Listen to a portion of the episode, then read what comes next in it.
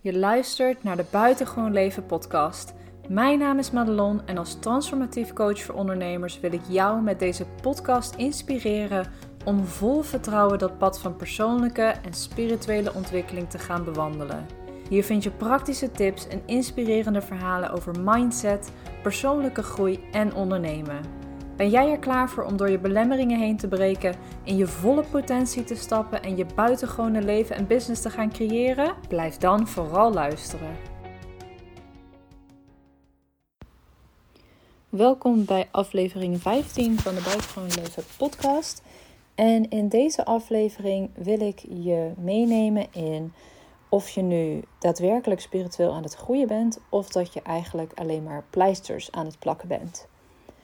De aanleiding van deze podcast is omdat ik heel veel zie op um, social media, maar ook in mijn omgeving, dat er heel veel positiviteitsgoeroes zijn. Dus alleen maar richten op positiviteit, positieve mindset, positieve emoties ervaren. Um, dat er heel veel aandacht wordt besteed bijvoorbeeld aan allerlei trucjes aanleren, zoals affirmaties of mediteren. Eigenlijk allemaal tools om je op dat moment misschien een beter gevoel te geven maar niet zozeer hetgene oplost waar het nou eigenlijk echt over gaat. Dit is ook eigenlijk een beetje toxisch gedrag, omdat je daarmee wegstopt wat echt werkelijk het probleem is. En het eigenlijk als het ware een, probeert je, een beetje probeert te verdoezelen onder een positieve mindset. Waarom is dit nou zo belangrijk? Omdat het zo mooi zou zijn wanneer we allemaal wat meer bij onze eigen essentie en onze eigen kern zouden komen. En pleisters plakken of toxisch positief zijn heeft in die zin eigenlijk weinig toegevoegde waarde. Want het werkelijke probleem, hetgene wat er echt onder zit, wat er echt bij je speelt, gaat zich altijd op een bepaalde manier laten zien. En dat kan zijn bijvoorbeeld via ziekte of via fysieke klachten of mentale krachten zoals een burn-out of een depressie hoe dan ook, hoe harder je iets weg probeert te stoppen, hoe meer het uiteindelijk naar de oppervlakte gaat komen en zich gaat laten zien. Op wat voor manier dan ook. Hoe weet je nu of dat je werkelijk aan het werk bent aan je spirituele ontwikkeling, je spirituele groei, of dat je nou pleisters aan het plakken bent? Dat wil ik graag uitleggen aan de hand van de logical levels vanuit NLP. En die logical levels zijn eigenlijk de levensgebieden waarmee jij te maken hebt. En die worden meestal weergegeven in een piramidevorm en die bestaan dan uit zes lagen in die piramide. En de onderste laag van die piramide is je omgeving. Dus dat is de mensen waarmee jij je omringt, de plek waar je woont, de omgeving waar jij je dus in bevindt. Heel simpel eigenlijk. De laag daarboven is gedrag. Dus wat doe jij allemaal? Wat, hoe reageer jij op mensen? Wat doe jij in het dagelijks leven? Dus al jouw gedragingen vallen daaronder. Daar weer boven zitten je kwaliteiten en je vaardigheden. Dus waar ben je goed in? Wat kun je goed? Daarboven zitten jouw overtuigingen. Dus wat geloof jij? Wat geloof jij over jezelf? Wat geloof jij over de wereld? Wat geloof jij over andere mensen? Daar weer boven zit jouw identiteit. Dus hoe beoordeel jij jezelf? Hoe zie jij jezelf? Welk, ehm, Welke waarde geef je aan jezelf? Hè? Dus wie ben jij? En daar weer boven zit missie of spiritualiteit. Dus wat zou je willen bijdragen in de wereld? Waarom ben je hier? Even heel breed gezegd. Wat je heel vaak ziet gebeuren is dat men op gedragsniveau dingen wil veranderen. Dus stel dat jij uh, vaak negatief bent of je misschien verdrietig voelt regelmatig. Nou, je weet eigenlijk niet zo goed waarom ga je op gedragsniveau bijvoorbeeld mediteren om daar vanaf te komen. Of affirmeren door bijvoorbeeld elke dag tegen jezelf te zeggen dat je super positief bent, dat je heel gelukkig bent en dat je geniet van het leven. Dat is echt op gedragsniveau iets doen om vervolgens iets te willen veranderen. Stel nu dat je eigenlijk dus continu verdrietig bent doordat je ergens de overtuiging hebt aangenomen dat je het niet waard zou zijn. Ik noem maar even een bepaald voorbeeld. Stel nu dat je nu allerlei dingen doet waarvan eigenlijk de bovenliggende overtuiging of misschien wel identiteit, hè, dus, dus jij hebt het je identiteit gemaakt dat je het niet waard bent. En daardoor doe je allerlei dingen, daardoor heb je bepaalde kwaliteiten, daardoor ziet je omgeving er op een bepaalde manier uit. Dus hoe hoger in de piramide iets speelt, hoe meer effect het eigenlijk heeft op al die lagen die daaronder zitten. Wanneer jij dus als identiteit eigenlijk hebt aangenomen dat je het niet waard bent, dan kun je dus op gedragsniveau, dus veel lager in die piramide, wel allerlei dingen gaan doen om dat te veranderen of proberen te beïnvloeden. Maar die piramide werkt bijna nooit van beneden naar boven. Dus het werkt bijna nooit wanneer jij op gedragsniveau iets heel erg structureel gaat doen, dat die dan naar boven toe uitwerkt, dat daardoor bijvoorbeeld je, uh, je overtuigingen veranderen of je identiteit verandert. Soms wel. Het is niet zo dat het nooit werkt.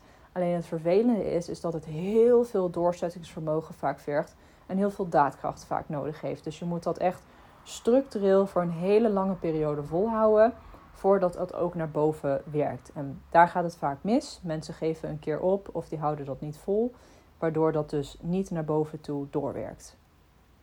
Het werkt wel andersom. Dus stel dat jij op identiteitsniveau iets weet om te buigen, werkt het wel al die lagen door naar beneden. Een heel concreet voorbeeld hoe dat dan precies mis kan gaan aan de hand van verslavingszorg. Als je kijkt naar de verslavingszorg en dan even de, de eerste eh, punt waar je vaak uitkomt wanneer je daar terechtkomt. Stel dat jij verslaafd bent aan blowen of aan cocaïnegebruik. Dan kom je vaak bij zo'n instantie terecht waarbij je dus in eerste instantie met name gesprekken zult voeren. Dus het gaat hier even niet over een opname of iets dergelijks, maar puur de zorg die je krijgt wanneer je ergens aanklopt, wanneer je last hebt van verslaving.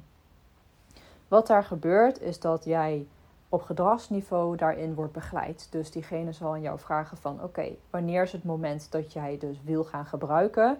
Bijvoorbeeld als je naar huis rijdt vanaf je werk.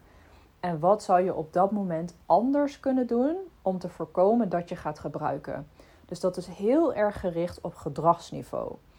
Wat daarin wordt vergeten is eigenlijk om te onderzoeken wat de beweegreden is waarom diegene überhaupt gebruikt. Wat maakt dat diegene gebruikt? Niemand doet dat gewoon maar omdat hij dat doet. Dat is nooit een gedragsprobleem. Het heeft altijd met iets anders te maken en 9 van de 10 keer heel hoog in die piramide. Dus het is vaak een trauma vanuit de jeugd die zich eigenlijk heeft gemanifesteerd en daardoor als um, kopingsmechanisme dus uh, verslaving oplevert. Waar een ander misschien gaat pleasen of overmatig gaat pleasen en alleen maar een ander voorop stelt heeft een ander weer het probleem dat hij bijvoorbeeld gaat gebruiken om iets niet te hoeven voelen of om ergens mee om te gaan. Dus het probleem zit niet bij gedrag, maar daar is wel het, het, het punt waar de oplossing probeert te uh, creëren. Dus je probeert eigenlijk een oplossing te vinden op een niveau waar het probleem niet zit.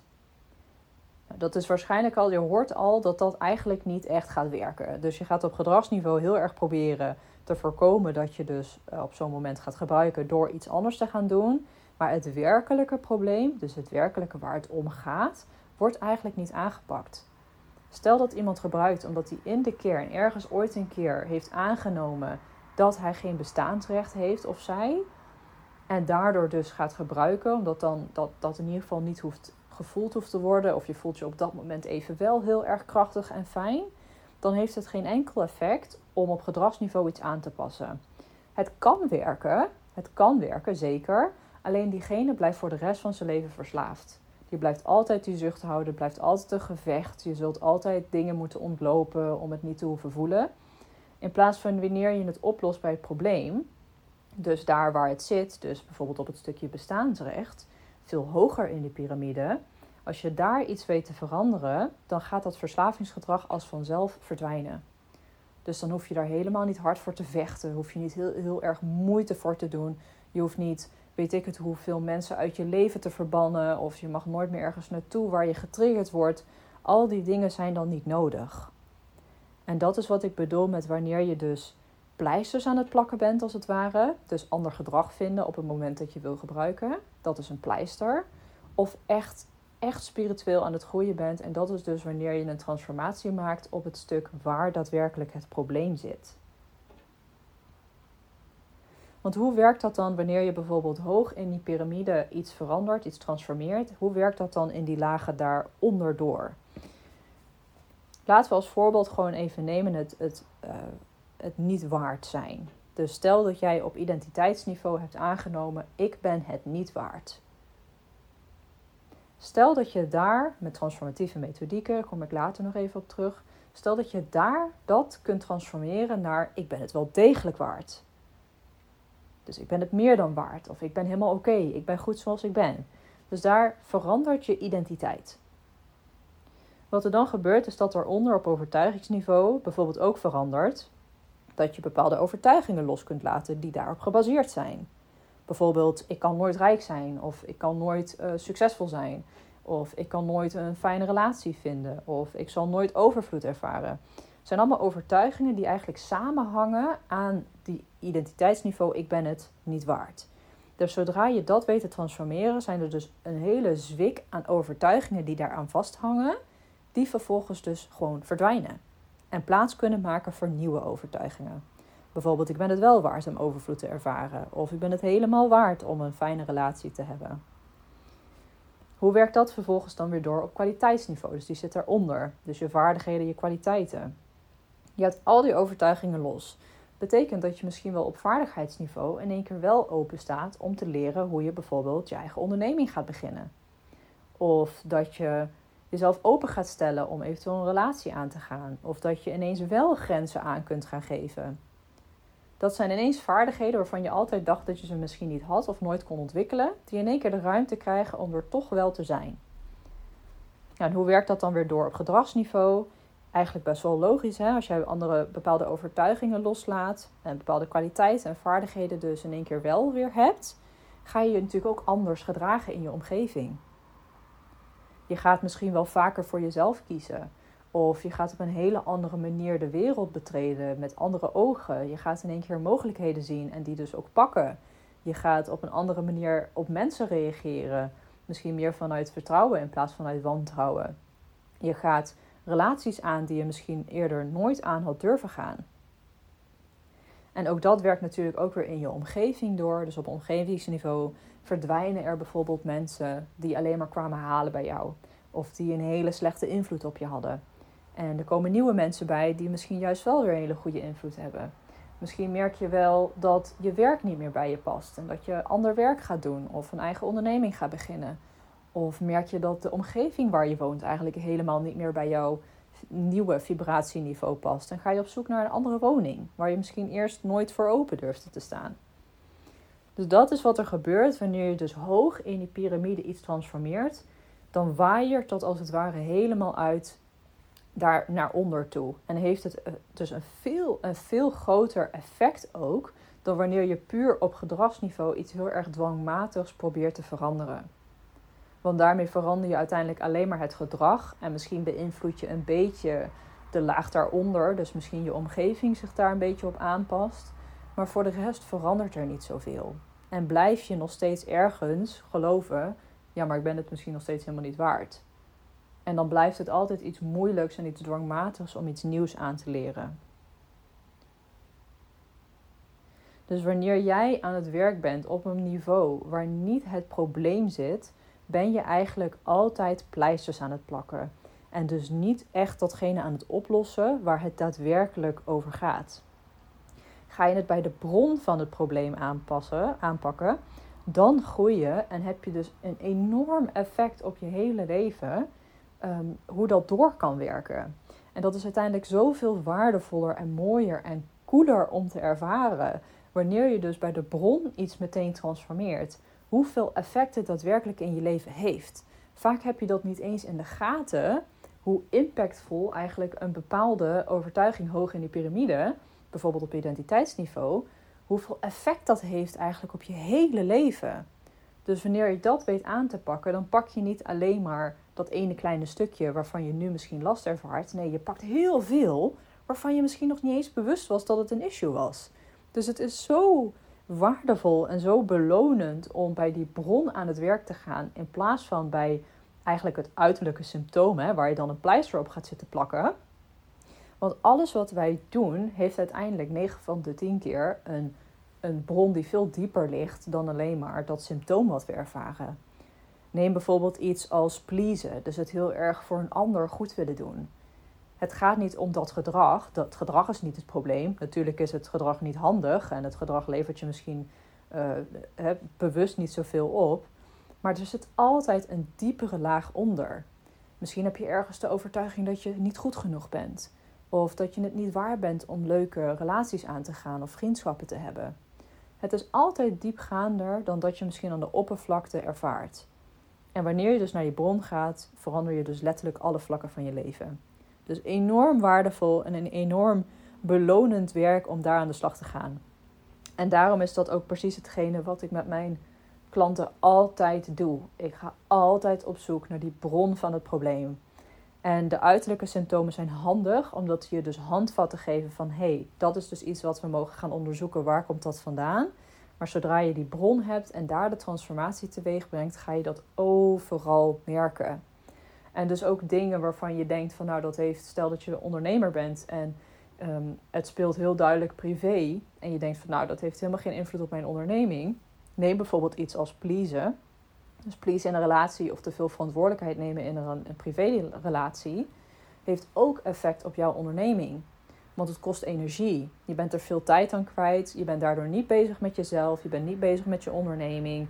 Dus er wordt energie weggetrokken uit waar het eigenlijk naartoe zou mogen gaan. Doordat je dus in je relatie aan het pleasen bent. Dus ook al lijkt het misschien alsof het heel duidelijk een privé kwestie heeft. Wanneer jij een onderneming hebt die kracht van de onderneming is altijd de kracht van jou.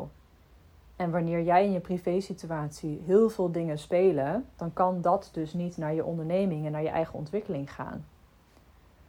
Dus ook wanneer je dus privé merkt dat je tegen van alles aanloopt, dan is het extreem waardevol om hiermee aan de slag te gaan, omdat het ook doorwerkt in je onderneming, in je werk, in wat je levert aan je klanten. Um, dus ja, dus vandaar dat ik daar natuurlijk op die manier mee werk omdat ik heb gezien en heb ervaren bij mezelf, maar ook bij alle klanten die ik al heb geholpen in het verleden, hoe groot het effect is wanneer je die bron aanpakt. Wanneer je dus werkelijk diepgaand spiritueel groeit ten opzichte van pleisters plakt.